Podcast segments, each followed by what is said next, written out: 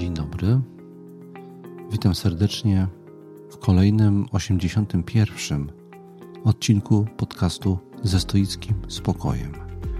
W dzisiejszym odcinku podejmuję zagadnienie uzależnień. Udzielam w nim odpowiedzi na pytanie o to, jakiego wsparcia w borykaniu się z uzależnieniami udziela stoicyzm. Serdecznie zapraszam do słuchania.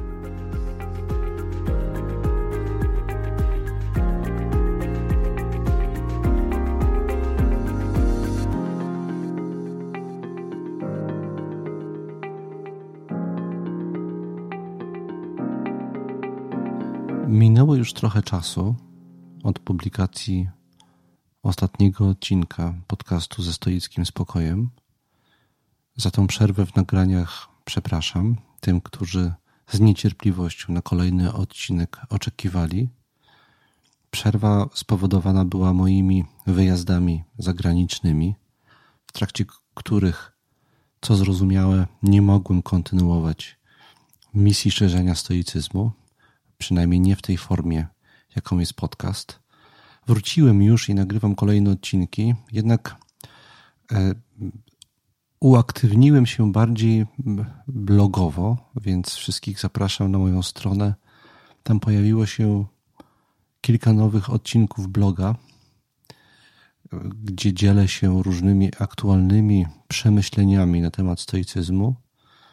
Zapraszam do czytania i dzielenia się swoimi refleksjami za pośrednictwem skrzynki mailowej mojej tomasz małpa ze stoickim spokojem.pl A teraz przystępuję już do nadrabiania zaległości podcastowych i pierwszym tematem, który chciałbym zrealizować jest, jest temat uzależnień. Jakiś czas temu w, w tej sprawie napisał do mnie jeden z naszych, z moich słuchaczy z pytaniem o to, jaki stoi, stoicy mieliby stosunek do uzależnień. Za chwilę fragment tego listu przeczytam.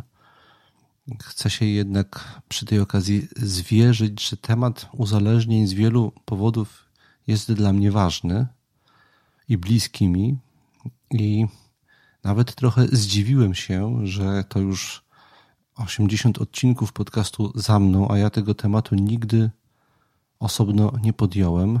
Dlatego, dlatego słuchaczowi, który na potrzebę zajęcia się tym tematem zwrócił mi uwagę, bardzo niniejszym dziękuję. Teraz przystąpię do przeczytania fragmentu listu słuchacza, listu, w którym z jednej strony podkreśla potrzebę zajęcia się tym tematem, który jest też dla niego tematem osobistym, ale także zadaje ciekawe pytania. Ja chciałbym do tych pytań w trakcie dzisiejszego odcinka podcastu odnieść się, dlatego też chciałem przeczytać fragment tego listu. Więc po wstępnych podziękowaniach i grzecznościach słuchacz pisze między innymi tak. Mam na myśli przede wszystkim proces wychodzenia z uzależnienia od alkoholu i marihuany. Leczę się od trzech lat, a mniej więcej od dwóch odkrywam stoicyzm jako odpowiedź na wiele trudności związanych z trzeźwieniem. Jestem też zaskoczony, jak wiele punktów wspólnych mają ze sobą stoicyzm i różne formy terapii, np. AA czy nurt poznawczo-behawioralny. Bardzo często od mojej terapeutki słyszę porady czy wyczuwam podejście, które odnajduję w tekstach stoickich. Przy okazji podsuwam ten temat jako pomysł na odcinek podcastu. Dodam, że jestem obecnie na etapie tworzenia własnego podcastu o uzależnieniach. Ja tutaj zatrzymam się w czytaniu i chciałem po, życzyć y, autorowi listu powodzenia w tym przedsięwzięciu. Połączenie podejścia stoickiego z pracą nad y, uzależnieniem i poświęcenie temu mm, podcastu wydaje mi się bardzo ciekawym, y, y, ciekawym przedsięwzięciem, więc trzymam gorąco kciuki za to, żeby się powiodło. Teraz czytam dalej, bo tutaj dalej się pojawiły ciekawe pytania. Cytuję słuchacza. Przechodząc do rzeczy, Jest jedna kwestia, która od dłuższego czasu nie daje mi spokoju, a dotyczy samej istoty stoicyzmu. Zależne są od nas sądy, sądy, popędy, pragnienia, odrazy i, i jednym słowem to wszystko, co jest naszym dziełem. To jest cytat z Epikteta. No właśnie, czy na pewno w przypadku osób uzależnionych ta sfera nadal jest w pełni od nas zależna? Mam co do tego wątpliwości, postrzegając mózg, duszę jako w pewnym sensie zainfekowaną, nie do końca zdrową. Fachowo mówi się tutaj o dezintegracji ja, jako o zjawisku wywołanym przez nadużywanie substancji. I to moje ja, czyli obszar według stoików w pełni ode mnie zależny, jest właśnie wciąż zniewolony, jakby kontrolowany momentami przez jakieś drugie ja. Skutkuje to tym, że w głowie osoby uzależnionej, która zachowuje trzeźwość, nadal pojawiają się myśli i pokusy. Pojawiają się niezależnie od moich pragnień i wartości. Z jednej strony mogę pragnąć kierować się określonymi wartościami, z drugiej niemal jednocześnie pragnąć złamać abstynencję dla chwilowej przyjemności, co jest prostą drogą do pogwałcenia wszystkich wartości, którym chciałbym się, którymi chciałbym się kierować. I nie mam tu na myśli tego, że myśl o napiciu się pojawia się, gdy przechodzę na przykład koło sklepu z alkoholem. Jak rozumiem, są to automatyczne reakcje mojego mózgu, a ode mnie zależy, jaką podejmę decyzję. Problem z tym, że, myśl o piciu, że myśli o piciu potrafią utrzymywać się u mnie bardzo długo i pojawiać przy bardzo zwykłych, podwtarzalnych sytuacjach życiowych na zasadzie skojarzeń. Picie, gdy zosta zostaje sam w domu, picie do jedzenia. Metoda wbijania klina między tego typu myśli a działanie oczywiście jest pomocna, natomiast na dłuższą metę jest to okropnie męczące, gdy przez 2-3 tygodnie niemal codziennie zmagam się z natrętnymi pokusami i nierzadko kończy się niestety sięgnięciem po alkohol. Jest dokładnie tak, jak pisał święty Paweł. Cytuję: Nie, czy, nie czynię bowiem dobra, którego chcę, ale czynię to zło, którego nie chcę. Koniec cytatu. Zacząłem się więc zastanawiać, czy problem nie tkwi jednak w sprzecznych pragnieniach, czy nie jestem kimś, kto chciałby mieć ciastko i zjeść ciastko, móc pić i jednocześnie być dobrym mężem, ojcem, pracownikiem i szczęśliwym człowiekiem. Przy czym fundamentalnym warunkiem jest w moim przypadku trzeźwość. Jest to lekcja przerabiana przeze mnie już wielokrotnie. Niestety alkoholik ma to do siebie, że w kółko próbuje odzyskać kontrolę nad piciem i oszukiwać samego siebie, że może tym razem się uda. Tutaj skończę mm, lekturę listu słuchacza Przypominając, tak jak już powiedziałem wcześniej, że jest to dla mnie punkt wyjścia do poświęcenia tematowi uzależnień dzisiejszego odcinka podcastu.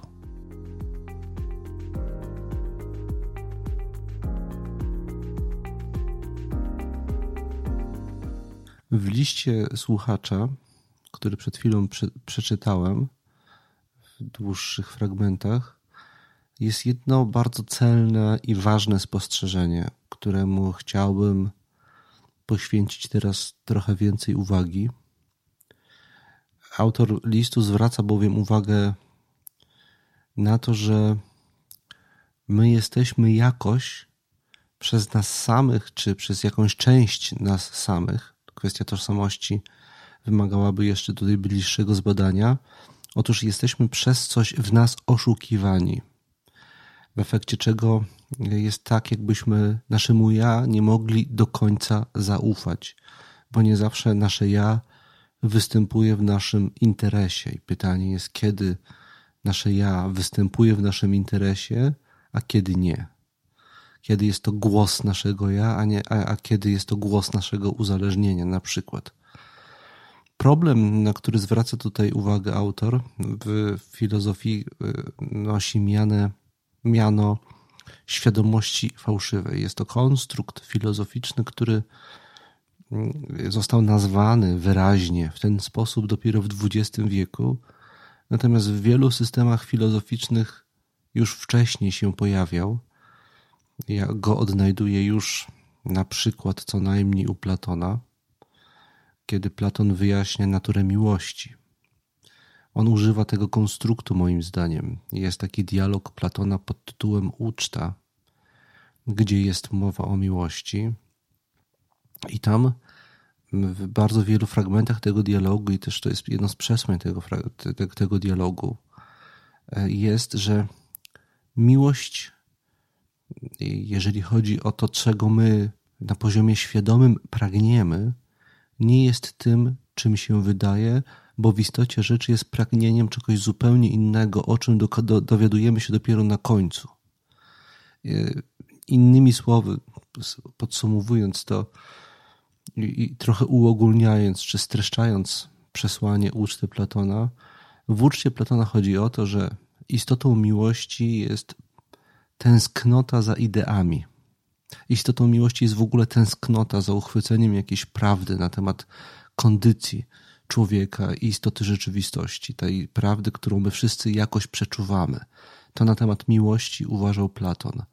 Jeżeli sądzimy, że zakochujemy się w drugiej osobie, jest to pewnego rodzaju złudzenie. Jest to właśnie świadomość fałszywa, mówi Platon. To oczywiście on nie używa te, ekspresji z verbis tego określenia, ale y, taka konstrukcja y, wyjaśnienia natury miłości pojawia się w dialogu pod tytułem uczta. W istocie rzeczy wszyscy poszukujemy czegoś i to coś objawia się w nas właśnie jako pewnego rodzaju tęsknota. Widok pięknej osoby wywołuje tą tęsknotę. My, nam się wydaje na początku, że kochamy tą osobę, podczas gdy tak naprawdę kochamy coś innego, co się tylko w tej osobie jakoś chwilowo przejawia. W tym sensie miłość właśnie zaślepia. E, zaślepia, bo nie widzimy, do czego ona nas naprawdę popycha. Tak to jest u Platona. Podobny, podobny sposób myślenia, podobne przedstawienie sprawy, chociaż z zupełnie innej perspektywy, y, może występuje między innymi u Hegla. On wprowadził taką koncepcję, kiedy opowiada o tym, jaki jest sens świata, ukryty sens świata. E, wprowadza między innymi koncepcję jednostki powszechnodziejowej. Jednostki powszechnodziejowe są to osoby, które odegrały w historii szczególną rolę. Mianowicie rolę taką, że popchnęły tą historię w pożądanym z punktu widzenia interesów dziejów kierunku. Problem z tymi osobami polega na tym, taką osobą w filozofii Hegla jest na przykład Napoleon albo Cezar, kiedy przekroczył Rubikon. Są to kluczowe momenty w historii i te osoby y, dokonują, podejmują działania, które popychają historię i dzieje naprzód, przy czym istotą konstrukcji duchowej tych osób jest to, że one tego w ogóle nie, mają, nie, nie są świadome że to robią. To nie jest ich cel. Ich motyw jest inny.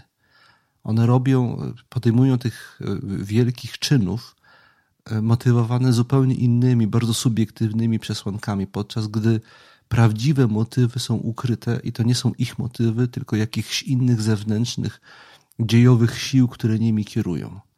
W ten sposób Hegel wprowadza do nowoczesnego namysłu filozoficznego koncepcję ukrytych motywów, które kierują ludźmi, podczas gdy tym ludziom wydaje się, że kieruje nimi coś zupełnie innego. A więc nie kierują oni sami sobą, tylko coś innego nimi kieruje, w efekcie czego robią to, co robią. Następnie w XX wieku mieliśmy, czy powiedzmy w XIX i XX wieku mieliśmy kilka autorów, którzy potem zostali określeni między innymi przez Paula Rickera mianem mistrzów podejrzeń. To znaczy, to są autorzy, którzy uważają, że człowiek ex definitione, jego taka jest jego kondycja, ma świadomość fałszywą. I tymi filozofami byli Fryderyk Nietzsche, Zygmunt Freud i Karol Marx. We wszystkich tych trzech systemach myślowych, w każdym in, w inny sposób, pojawia się przekonanie, że typowy człowiek myśli, kiedy myśli o tym, dlaczego coś robi, w, w kategoriach zupełnie innych motywów niż te, które naprawdę nim kierują. U Karola Marksa świadomość fałszywa jest tym dlatego fałszywa, że nam się wydaje, że chcemy czegoś, że, że coś jest dla nas ważne, yy, yy, że dla, dlatego, że to jest nasze, podczas gdy nasza świadomość jest skonstruowana przez na przykład kontekst ekonomiczny. My wierzymy w to, co jest w naszym interesie ekonomicznym wierzyć, chociaż wydaje nam się, że wierzymy w to z zupełnie innych powodów. I dążymy do rzeczy z powodów czysto ekonomicznych, a nie z powodów e, ideowych. Idee są wtórne w stosunku do interesów ekonomicznych. To jest, upraszczając, główna teoria Marksa. W tym sensie żadna świadomość nie jest, nie jest realna i autentyczna. Świadomość większości ludzi jest, jest fałszywa i istotą rewolucji, którą proponuje y, Karol Marx jest między innymi właśnie przewrót w obszarze świadomości, żeby uświadomić sobie te ukryte motywy, które nam kieruje, nami kierują i przestać y, y, dać się im nim powodować. Tak samo jest u niczego, chociaż z innych powodów i u Freuda. Freud uważa, że e, kieruje nami przede wszystkim struktura podświadoma, popędowa, e, e, czy w obszarze mechanizmów obronnych. Wydaje nam się, że czegoś pragniemy, podczas gdy tak naprawdę pragniemy zupełnie czegoś innego, ale nie potrafimy się przed sobą do tego przyznać z różnych powodów. Ale realnie kierują nami ukryte pragnienia, a nie to, co świadomie nam się wydaje, że tego pragniemy. Tak jest u Freuda. Podobnie jest y, u, u, u, u Fryderyka Niczego, y, który mówi, że ja i jego przekonanie o tym, co jest ważne, są z gruntu fałszywe. Kieruje nami, kierują nami zupełnie inne pobudki i instynkty, których, do, do których y, przeciętny człowiek nie ma w ogóle dostępu. Wymaga to pogłębionego badania siebie, żeby odkryć swoje prawdziwe motywy. Na przykład Nietzsche odkrył, był, takie było jego przekonanie, że typowy chrześcijanin e, kieruje się mściwością i zawiścią, o których nie wie, że je ma i je idealizuje w postaci e, chrześcijańskich ideałów.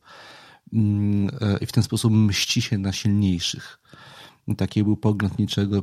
Innymi słowy, odkrył to, co my dzisiaj określamy psychologii mianem mechanizmu racjonalizacji. Z czegoś, y, z jakiegoś powodu cierpimy, ale jesteśmy zbyt dumni, żeby przyznać przed samymi sobą, że z tego powodu cierpimy. W związku z tym podejmie, podejmujemy działania odwetowe, ale nazywamy je zupełnie inaczej i wierzymy y, w te nazwy, które tym działaniom nadaliśmy, bo to leży w naszym emocjonalnym, psychologicznym interesie. Nietzsche mm, dokonał odkryć w swojej filozofii, że w bardzo wielu obszarach ludzie właśnie w ten sposób działają. To wszystko y, teraz opowiadam dlatego, żeby pokazać, jak poważny i szeroki temat został przez słuchacza poruszony. Y, temat świadomości fałszywej. Ona się nie objawia tylko i wyłącznie w doświadczeniu uzależnień. Doświadczenie uzależnień jest jednym z doświadczeń, w których możemy domniemywać świadomości fałszywej. Polega to na tym, że kiedy odczuwam głód substancji, od której jestem uzależniony, a to może być coś zupełnie inne rzecz, nie, to nie musi być substancja, bo jest bardzo wiele form uzależnienia, o czym jeszcze dzisiaj powiem. Kiedy odczuwam głód tej substancji, to, to ten głód wpływa na stan mojej świadomości, w efekcie czego mm, ta moja świadomość bagatelizuje wagę abstynencji przyjąłem sobie wcześniej, że nie będę zażywał jakiejś substancji, albo że ona jest dla mnie szkodliwa, albo że coś jest dla mnie ważne i chcę to realizować. Tymczasem w momencie, kiedy doświadczam e, psychicznie i fizycznie głodu, e, mój organizm wysyła sygnały, które zaburzają moją samoświadomość E, i w efekcie czego zmienia się moja ocena sytuacji. Głód manipuluje moją oceną sytuacji, w efekcie czego traktuję wymówki do zażycia jako realne argumenty. Nie jestem w stanie zobaczyć, że są to tylko wymówki, triki i manipulacje. Innymi słowy, w uzależnieniu, tak jak w tych e, sytuacjach, o których mówiłem wcześniej, powołując się na Platona, Niczego, Hegla, Marksa i Freuda, e, dochodzi do pewnego rodzaju automanipulacji, której, e, której stajemy się ofiarą.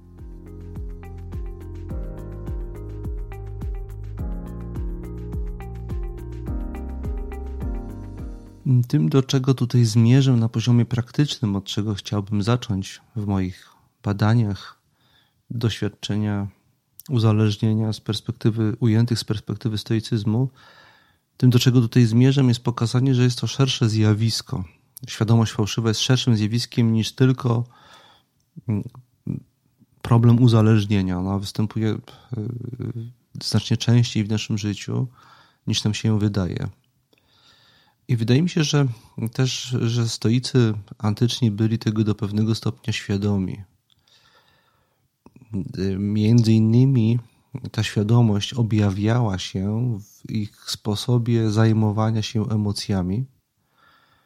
Z wielu opisów, kiedy na przykład czytamy Seneki, dialog o gniewie, wynika, że oni wiedzieli, że emocja mm, zaburza naszą percepcję rzeczywistości.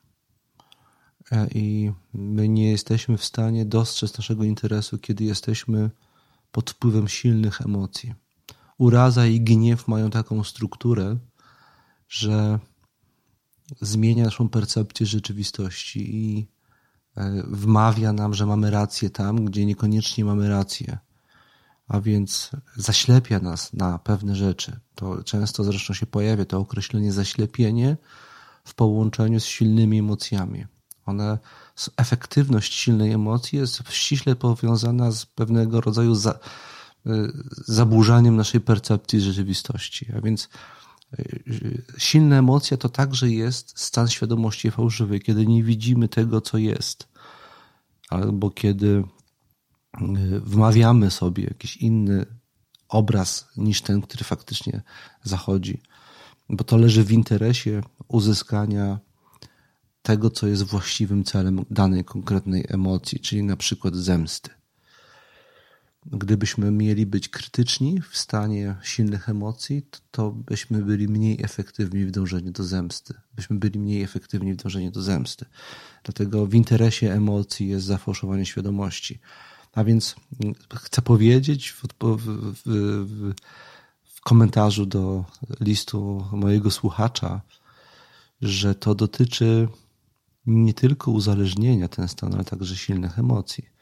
Inna rzecz, inny stan, który też generuje fałszywą świadomość, są obecne w życiu bardzo wielu z nas, wspominane już tutaj przeze mnie w kontekście Zygmunta Freuda i powszechnie rozpoznawane przez wielu psychologów mechanizmy obronne. Na przykład właśnie mechanizm intelektualizacji czy racjonalizacji. Mechanizmy obronne są to pewne schematy zachowania się naszego umysłu, y, schematy chroniące nas przed cierpieniem. Jeśli jakaś sytuacja pojawia się w naszym życiu, którą odbieramy, rozpoznajemy jako źródło potencjalnego cierpienia, to jednym ze sposobów radzenia sobie z tą sytuacją jest wypaczanie jej sensu, zniekształcanie obrazu sytuacji.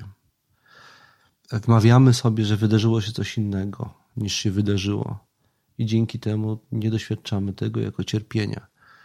Mm, dysponujemy całym szeregiem tego rodzaju mechanizmów, i literatura psychologiczna już dość, dość dobrze opisała. Każdy z tych mechanizmów ma ten skutek, że zaburza naszą samoświadomość, że sukces działania tych mechanizmów jest możliwy dzięki świadomości fałszywej. To znaczy, kiedy nie widzimy, że te mechanizmy działają, one dlatego efektywnie działają. Czyli kiedy nie widzimy tego, co, co się dzieje, e, one właśnie wtedy dobrze działają. Poprzez zafałszowanie działają. Tak, jeszcze czwarty rodzaj nietypowy trochę, świadomości fałszywej, dość powszechnej, przychodzi mi do głowy rodzaj, który, który się bierze z działania języka. My mamy skłonność do tego, żeby dopasowywać doświadczenie do schematów pojęciowych i myślowych, którymi dysponujemy, których się wyuczyliśmy. To znaczy, to co widzimy, to czego doświadczamy, wtłaczamy zazwyczaj w to, co znamy, w to, co umiemy nazwać na podstawie dotychczasowego doświadczenia, albo na podstawie tego, jak nazywaliśmy dotychczas nasze doświadczenie. I to sprawia, że nasza świadomość może nie jest wprost fałszywa, bo nie ma tutaj interesu, żeby okłamać samego siebie, ale ona jest zafałszowująca rzeczywistość, bo nie rozróżniamy pewnych rzeczy, które przydałoby się odróżnić, y, a które y, sprawiają, że nie jesteśmy efektywni w adekwatnym odpowiadaniu na to, co nam się przydarza. Więc jeszcze ten rodzaj bym y, dorzucił, tę, jedną formę świadomości fałszywej.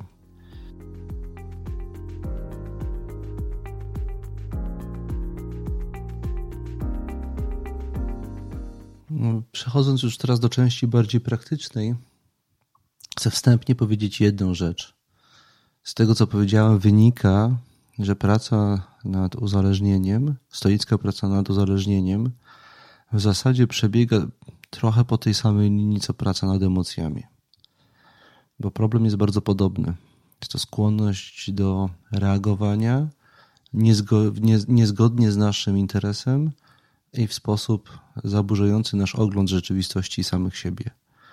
Różnica ważna, wydaje mi się, praktyczna między uzależnieniem a skłonnością do silnych, zaburzających nas emocji jest taka, że e, świadomość fałszywą w stanie uzależnienia, ten moment, kiedy nam się włącza automanipulacja, jest trudniej rozpoznać niż w przypadku emocji, bo w przypadku emocji towarzyszy nam od razu silne wzburzenie, co łatwo jest fizjologicznie rozpoznać u siebie. Podczas gdy mm, głód, y, głód y, osoby uzależnionej y, wkrada się nieraz ukradkiem.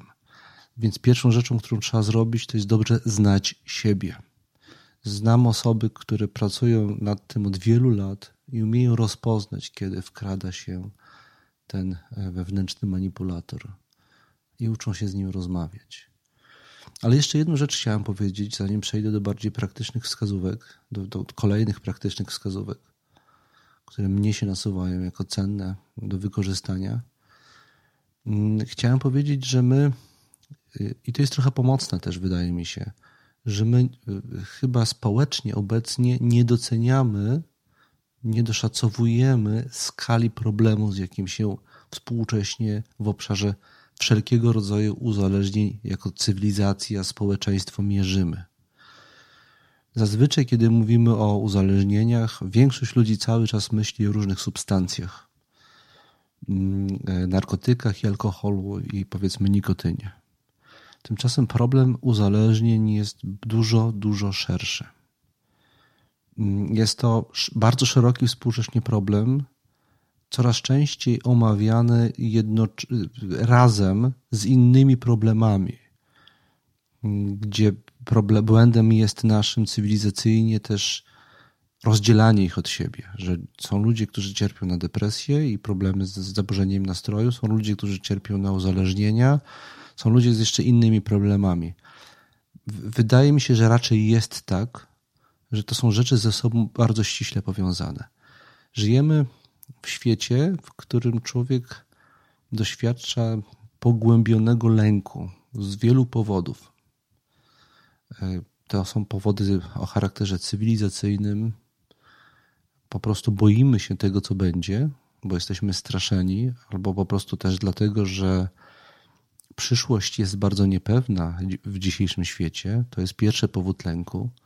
Drugi powód lęku jest, jest, jest konsekwencją tego, że żyjemy w świecie, do którego na poziomie neurologicznym jesteśmy nie do końca przystosowani.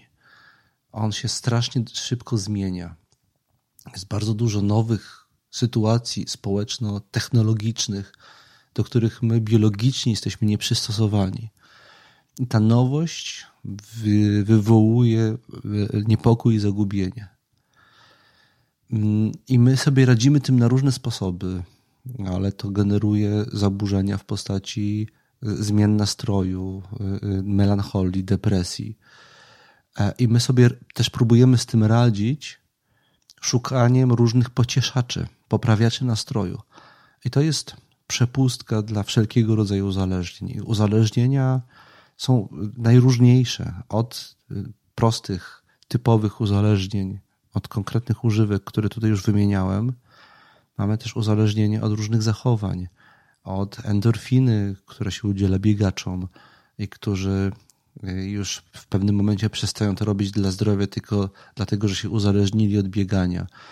E, albo y, mamy też do czynienia z bardzo szerokim, niebezpiecznym problemem uzależnień y, od używek elektronicznych, od y, seriali, których się, które się ogląda nałogowo na platformach streamingowych, od portali społecznościowych, od, od wszelkiego rodzaju gier, od wszelkiego rodzaju interakcji z ekranem, które, działa, które to interakcje działają na tej zasadzie, że dają nam natychmiastowy, natychmiastową gratyfikację. Ta gratyfikacja jest przez nas mózg odbierana jako pewnego ulga, jakiego pewnego rodzaju ulga e, e, w cierpieniu, w lęku, w niepokoju i my do tego przywieramy organicznie i uzależniamy się od tego. Zdaniem wielu współczesnych badaczy e, zmiany w mózgu pod wpływem nadużywania substancji chemicznej są, nie, są, nie, nie różnią się tak bardzo od zmian w mózgu pod wpływem używek e, behawioralnych, elektronicznych. Bardzo ciekawie opisuje to w swojej książce Adam Alter. E, książka nosi tytuł Uzależnienia 2.0 gdzie on pokazuje, że to jest jeden ze współczesnych bardzo dużych problemów. Ja o tym już parę razy w podcaście mówiłem. E, więc chcę powiedzieć teraz, że jednym z punktów wyjścia do zajmowania się tym, tym zjawiskiem jest zobaczenie go z szerszej perspektywy, że to nie jest mój problem, że ja sobie z czymś nie radzę. To jest problem współczesnej cywilizacji i dużo szerszy niż tylko problem uzależnienia. To jest, chodzi o zrozumienie, że uzależnienie w naszym życiu bardzo często jest konsekwencją próby poradzenia sobie z jakimś problemem. E, I dlatego nie możemy wyjść z uzależnienia, bo nie nauczyliśmy sobie radzić z tym problemem inaczej. Nie chodzi o to, żeby przestać być uzależnionym. Chodzi o to, żeby rozwiązać problem, na który uzależnienie było pierwotnie i, cały czas jest dla wielu ludzi odpowiedzią. Jakby tak, tego rodzaju zmiany optyki w punkcie wyjścia chciałbym zaproponować.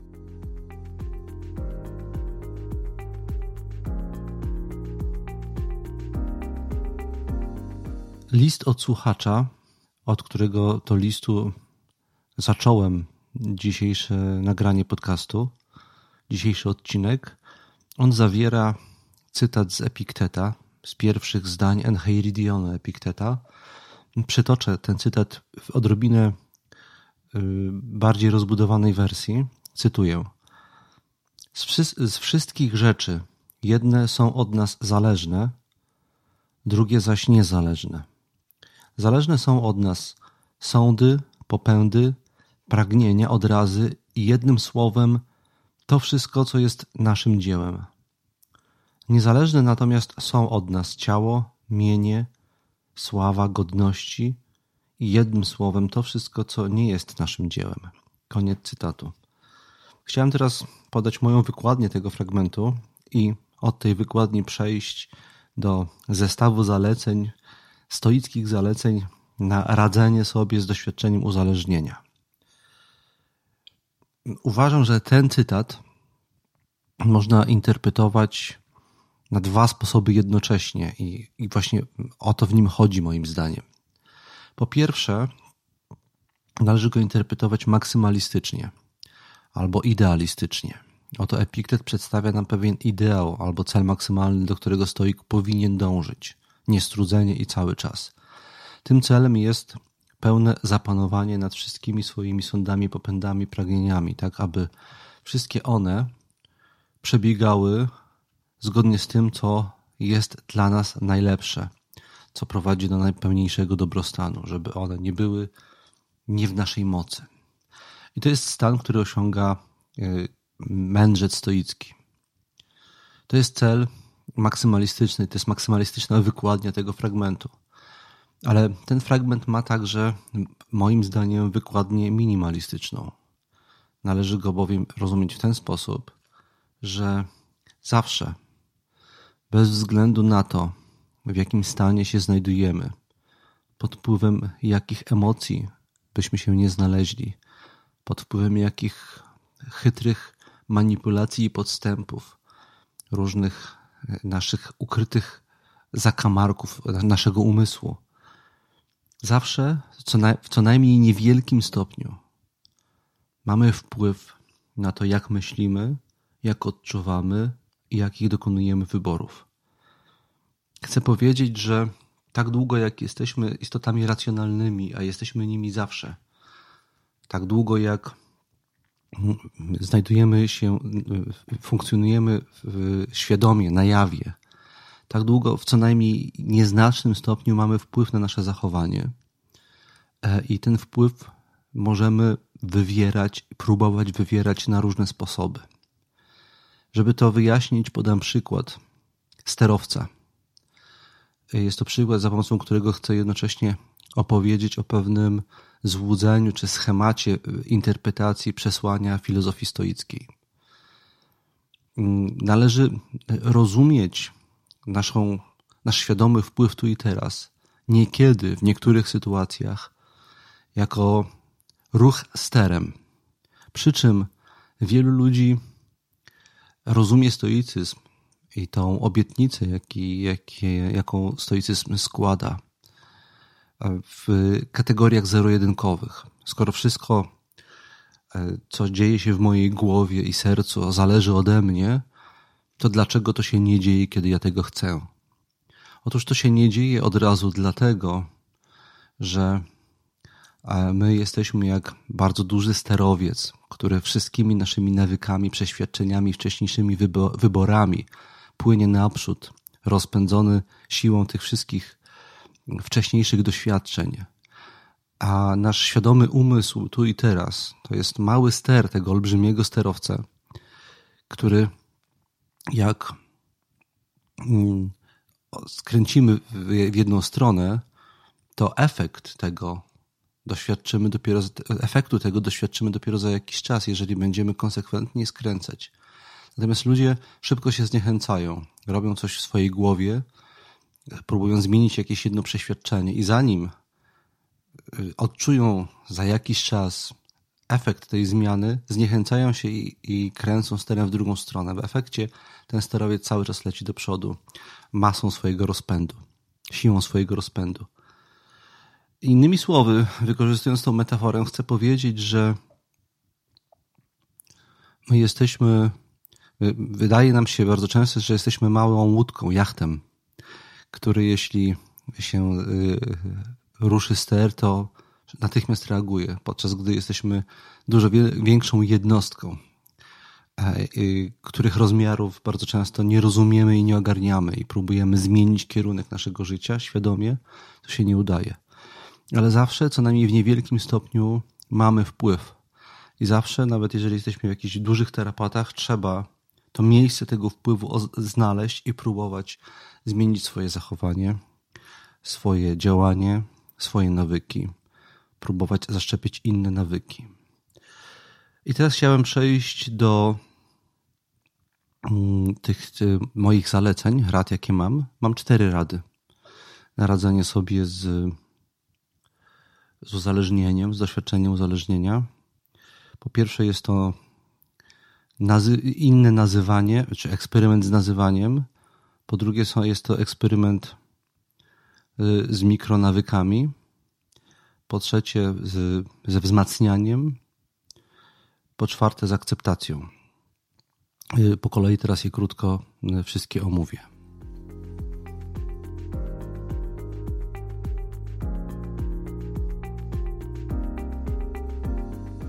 Zaczynam więc od y, pierwszej rady związanej z nazywaniem, a mówiąc szerzej, z tym, jakich słów, pojęć, terminów używamy do opisania i zrozumienia swojego doświadczenia sytuacji, w jakiej się znaleźliśmy. Ja w tym podcaście już kilka razy o tym wspominałem. Y, dzisiaj także do tego nawiązywałem, że my reagujemy w określony sposób nie bezpośrednio w odpowiedzi na jakieś doświadczenie, tylko za pośrednictwem tego, jak to doświadczenie oceniamy i jakich słów używamy do tego, żeby go opisać. Te słowa torują naszą reakcję. Jeżeli ta reakcja jest jakoś obciążająca, uciążliwa, ciężka dla nas, to często jest tak za sprawą tych słów. Jeżeli zmienimy słowa, których używamy do opisu doświadczenia, to też nasza reakcja może być zupełnie inna i te, te różnice bywają bardzo zaskakujące. Podałem Wam niedawno mm, przykład, kiedy opisywałem swoje doświadczenie choroby e, i ciężkiej kontuzji, kiedy odkryłem, że pewien stan mój niemocy, mam skłonność do określania mianem zniechęcenia i rozgoryczenia. E, kiedy tak to nazywałem, czułem się źle z tym stanem. Natomiast zauważyłem, że mogę go zupełnie inaczej i zgodnie z prawdą nazwać jako stan wycieńczenia, wyczerpania. Stan wymagający odpoczynku i dania sobie przestrzeni na ten odpoczynek. I wtedy zupełnie inaczej się z tym stanem czułem. Sądzę, że podobnie jest, jestem pewien, bo tego tak też doświadczałem. Podobnie jest w zmaganiach z uzależnieniem. Mamy skłonność do tego, żeby ból, jaki doświadczamy, kiedy się konfrontujemy z e, odstawianiem jakiejś używki, ujmować od strony czegoś złego. Doświadczamy często w takich sytuacjach pewnego rodzaju ssania, jakiegoś dojmującego, bolesnego głodu. E, I nazywamy świadomie bądź podświadomie, odruchowo ten stan jako cierpienie, ból, coś złego, co trzeba przetrwać. Dlaczego nie spróbować nazwać tego stanu inaczej, jako coś po, po pozytywnego, jako objaw y, procesu przemiany? Można to y, nazywać przez także analogię na przykład z doświadczeniem wysiłku fizycznego na siłowni, gdzie doświadczamy przyjemnego bólu mięśni. Nie mamy wtedy odruchu, żeby nazywać ten ból mięśni czymś złym. To trzeba natychmiast uśmierzyć. Natomiast mamy taki odruch, kiedy zmagamy się z głodem uzależnienia. Dlaczego nie spróbować ten głód nazwać przez analogię właśnie z tym doświadczeniem pozytywnego wysiłku fizycznego, tylko że tutaj jest wysiłek duchowy i polubić go, spróbować go E, ująć od, od strony czegoś pozytywnego, czegoś pożądanego. To zmienia, co prawdopodobnie to e, dla wielu z Was może zmienić stosunek do tego doświadczenia i ułatwić przetrwanie go. To jest e, jeden z pomysłów, jaki mam i który sam stosuję wobec różnych trudnych doświadczeń.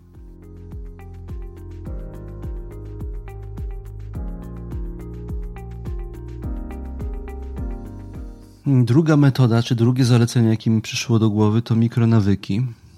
Jest spora literatura w tej chwili już na temat tego, jak powstają nasze nawyki.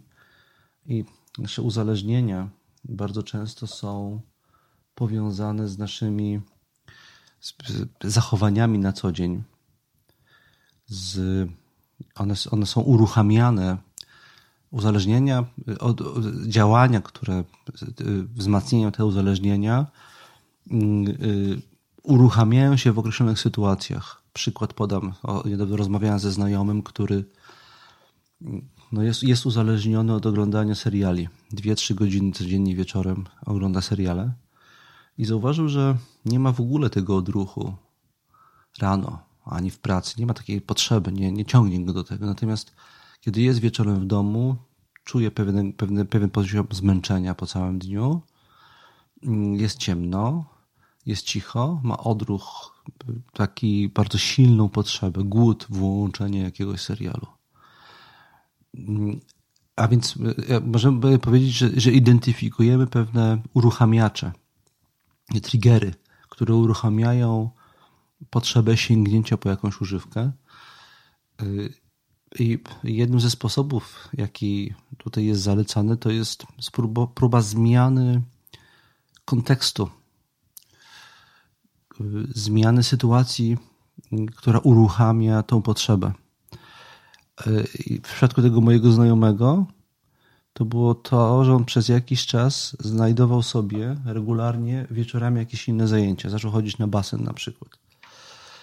Mm, I wtedy to zmęczenie z całego dnia kanalizował w inny sposób. I kiedy wracał już z tego basenu, już było czas na kładzenie się spać i nie miał kiedy poczuć tą potrzebę, jakby zmienił całkowicie kontekst sytuacji. Czyli te triggery inaczej y, y, skonstruował, które, y, które uruchamiają, albo usunął te typowe triggery, które uruchamiają sięganie po, po używkę. Bo się w takich sytuacjach po prostu nie znajdował. Więc jednym ze sposobów jest też przemodelowanie tego, jak my w jakich sytuacjach uruchamia nam się potrzeba sięgnięcia po używkę, bo ta potrzeba nie jest oderwana od kontekstu całego naszego życia, to właśnie kontekst y, bardzo często ją uruchamia i wystarczy, że ten kontekst zmienimy, zaczniemy eksperymentować y, z tymi uruchamiaczami, rozpoznawać je i zmieniać, reagować na właśnie z wyprzedzeniem na pojawienie się tych uruchamiaczy, planować sobie dzień też pod tym kątem żeby inaczej się usytuować w stosunku do takich możliwych uruchamiaczy. To jest jeden ze sposobów, których można użyć do tego, żeby z używkami sobie radzić. Drugi z tych, które na dzisiaj przygotowałem.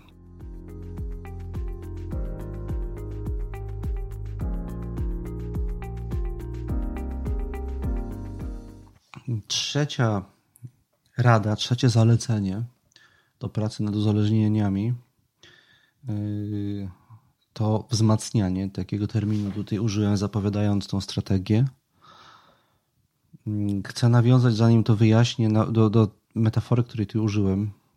Wyobrażamy sobie często, że jesteśmy jachtem zwinnym i zwrotnym, gdzie sterem tego jachtu jest myśl, zmiana jakiegoś sposobu myślenia, podczas gdy w istocie jesteśmy wielkim sterowcem czy tankowcem, który przemierza ocean, jest rozpędzony e, swoją masą niełatwo zmienić jest mu kierunek za pomocą jednej prostej myśli.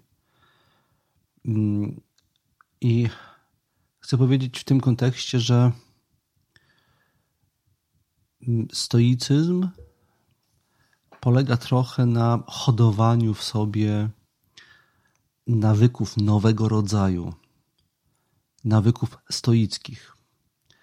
Błędem, wydaje mi się, często naszym jest to, że walczymy z czymś w ten sposób, że jeżeli zidentyfikujemy jakoś, jakiś nawyk jako zły, to staramy się mu nie ulegać i całą swoją energię poświęcamy na to, na tą negatywną reakcję, żeby nie pójść za jakimś nawykiem.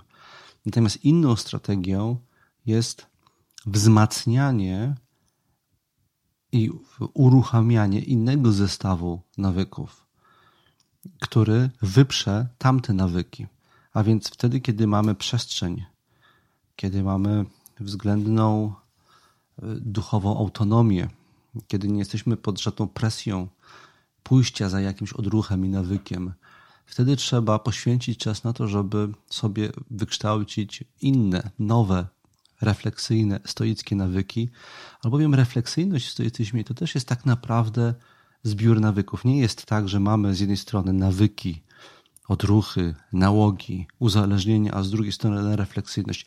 Refleksyjność też jest, podpada, podpada pod kategorię zestawu nawyków i żeby to zobrazować, znalazłem cytat yy, u Seneki, to jest list 120 do, do Lucyliusza.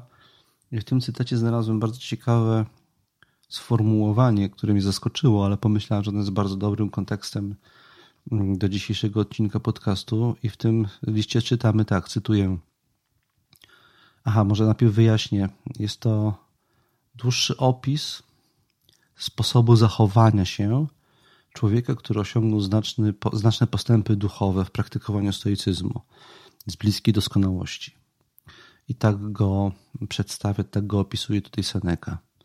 Widzieliśmy go dającym pełną ręką tam, gdzie należało obdarowywać, a wytrwałym, gorliwym i znużone ciało krzepiącym mocą ducha tam, gdzie należało pracować. Poza tym był zawsze jednaki oraz w każdym działaniu zgodny z sobą, prawy już nie z rozmysłu, lecz doprowadzony przez nauk do tego, że nie tylko mógł postępować uczciwie, ale inaczej niż uczciwie nie mógł.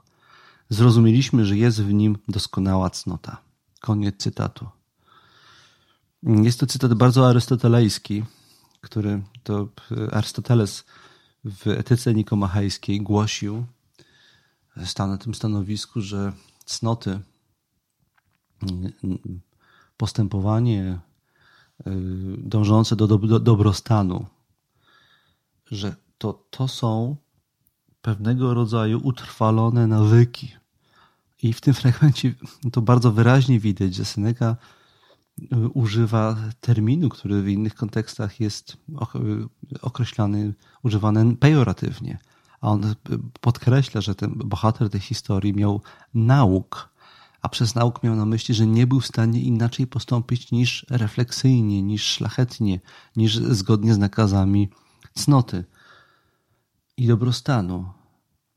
Więc y, tym, co chcę powiedzieć w tym kontekście, jest, że należy na tyle, na ile nam refleksyjna wewnętrzna przestrzeń pozwala na to, zaszczepić jak naj, najwięcej nawyków, które nas wzmacniają i nam służą i przekładają się na nasz długofalowy dobrostan. Czyli załóżmy, bo to jest inna metoda, którą zaproponowałem temu znajomemu i też on ją stosował.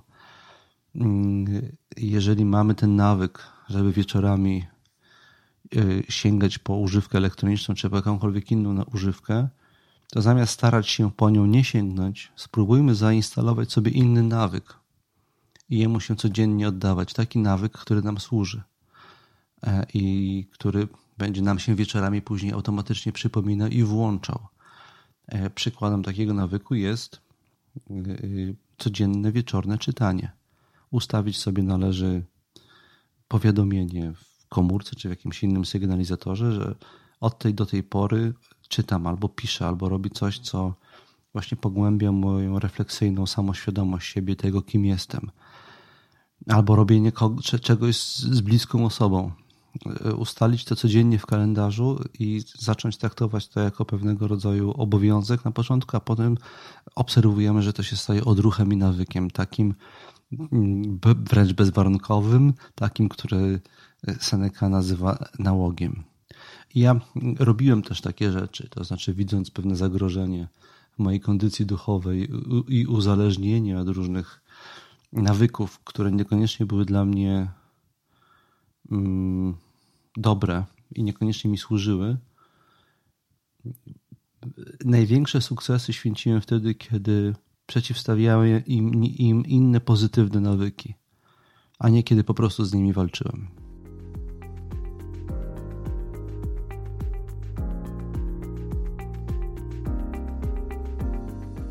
Czwarta wreszcie rada, która mi przychodzi tutaj do głowy, mm, to jest akceptacja. Powiedziałem wcześniej, mówiąc o tym, jakich terminów używamy do opisania naszej kondycji i także kondycji zmagania się z, z nałogiem jakimś, z jakimś uzależnieniem. Mm, powiedziałem, że używamy różnych terminów i czasami te, te terminy, których używamy, odnoszą się do nas samych jako osób. To znaczy pejoratywnie siebie określamy i wywołujemy w sobie też poczucie winy i to w żaden sposób nam nie pomaga. Mówiłem na początku, że uzależnienie w różnych postaciach współcześnie należy postrzegać jako część większej całości, część trudnej kondycji współczesnego człowieka.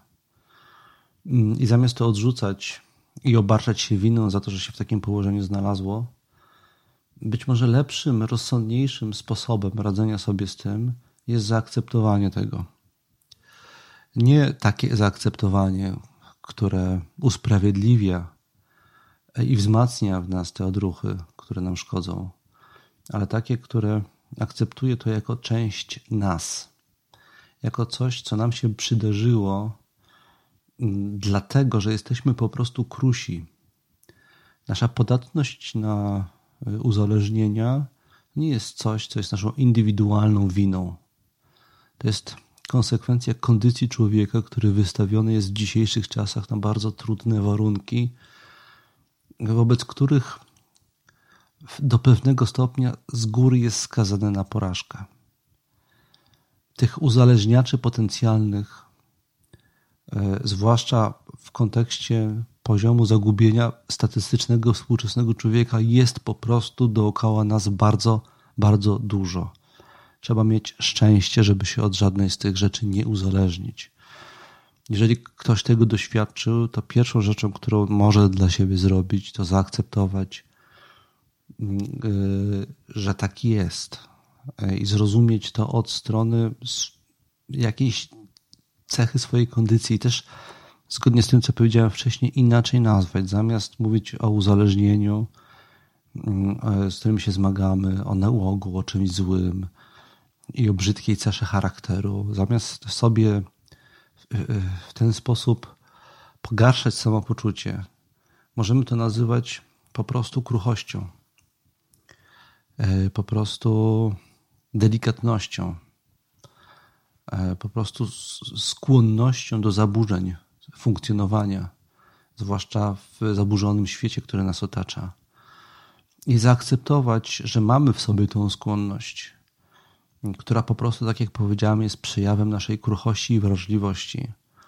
Zobaczyć tą kruchość, spróbować jak najlepiej zrozumieć to swoje doświadczenie, zrozumieć mechanizmy, które za tym stoją, zwłaszcza w tym, tak jak powiedziałem wcześniej, szerszym kontekście. I następnie zacząć troszczyć się o siebie, próbując zaszczepić w sobie inne odruchy, tak jak powiedziałem, ale z troską i akceptacją tego, jacy jesteśmy tu i teraz. Czy nie traktować naszego uzależnienia jako jakiegoś obcego ciała, tego jakiś aspekt naszej kondycji tu i teraz, którą jako naszą akceptujemy i na gruncie tej kondycji próbujemy zaszczepić coś innego, bardziej zdrowego, bardziej nam służącego. Ostatnią metaforę, jaką chciałem dzisiaj użyć, to jest metafora rośliny. My mamy w sobie wszyscy podatność do tego, żeby być bardziej refleksyjni ale ta podatność, ta skłonność jest jak bardzo krucha roślina, która wymaga, wymaga zabiegów i opieki i pielęgnacji. I te praktyki stoickie polegają na tym, żeby to pielęgnować, pomimo kondycji, w której się znaleźliśmy. I im silniejsza jest ta roślina, tym bardziej efektywne są nasze usiłowania poradzenia sobie z jakimiś uzależnieniami. Ale to się nie dzieje nagle. Ludzie myślą, że Często, tak jak powiedziałem, że są tym małym sterowcem, albo obiecałem, że tam to była ostatnia metafora, ale mam jeszcze jedną, mm, że wystarczy, że w głowie sobie w jednym miejscu coś przestawią i wszystkie inne myśli się do tego automatycznie dostosują. My jesteśmy olbrzymim zbiorem, oceanem różnych schematów myślowych i to trzeba poukładać jako jedną spójną całość i to, żeby każdy z tych schematów odkręcić, ułożyć w inny sposób, to bardzo często jest bardzo długa droga. Od, od, odkręciwszy jeden z tych schematów, nie odkręcimy całości. I ta metafora, której w tym kontekście chcę użyć, to jest metafora parlamentu. Nie wystarczy, żeby w parlamencie jeden człowiek zaczął myśleć inaczej, ale to musi przekonać innych parlamentarzystów do tego, żeby myśleli tak, jak on uważa, że jest słusznie. I dopiero wtedy, kiedy zagłosują razem i kiedy zdobędą większość, to udaje mi się przegłosować nową ustawę i nowy sposób funkcjonowania całego państwa. Z nami w naszym wnętrzu jest tak samo. Czasami y, ten stoik w nas to jest jak jeden z parlamentarzysta, y, który jest sam, jest osamotniony. Y, cała reszta cały czas głosuje inaczej i dziwimy się, dlaczego nie przegłosowujemy zbawiennych dla naszego duchowego państwa ustaw. Właśnie dlatego nie przegłosowujemy, bo ten jeden, ten pojedynczy, ten stoik nie umie przekonać pozostałych.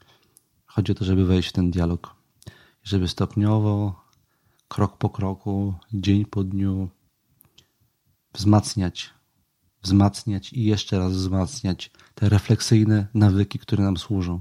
Każde wzmacnienie to jest jak przekonanie kolejnego parlamentarzysty, żeby głosował yy, tak jak my. To była ta ostatnia metafora. E, wszystkim, którzy zmagają się z jakimiś osłabiającymi ich uzależnieniami, mm, pozdrawiam i życzę sukcesów. To jest do zrobienia, ale nie można wierzyć, że to jest łatwe, szybkie i natychmiastowe i nie można się zniechęcać. Każdego dnia od nowa próbujemy robić swoje, licząc na drobne sukcesy. Tego i takich drobnych sukcesów każdego dnia Wam serdecznie życzę. Do usłyszenia.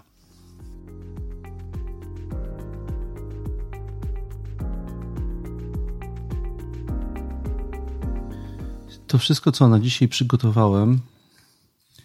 Bardzo dziękuję za to, że byliście ze mną i za to, że wspieracie ten podcast. Ci, którzy wspierają finansowo także za pośrednictwem platformy Patronite. Moim patronom, najbardziej hojnej grupie z nich, imiennie chciałem podziękować. Są to następujące osoby: Ludwik Sinica, Daria Trze, Zbigniew Celej, Jacek Kaleta, Michał Mazur, Piotr Wojtczak, Maciej Kunert, Hubert Dąbrowski, Jacek Mędyk, Justyna Metryka, Jolanta Tryszkiewicz, Łukasz Wojtach, Krzysztof Kamil, Bartosz Szarowar i Piotr Skronik. Wszystkim Wam bardzo dziękuję. Dzięki Waszemu wsparciu możliwa jest produkcja tego podcastu. Dziękuję i do usłyszenia.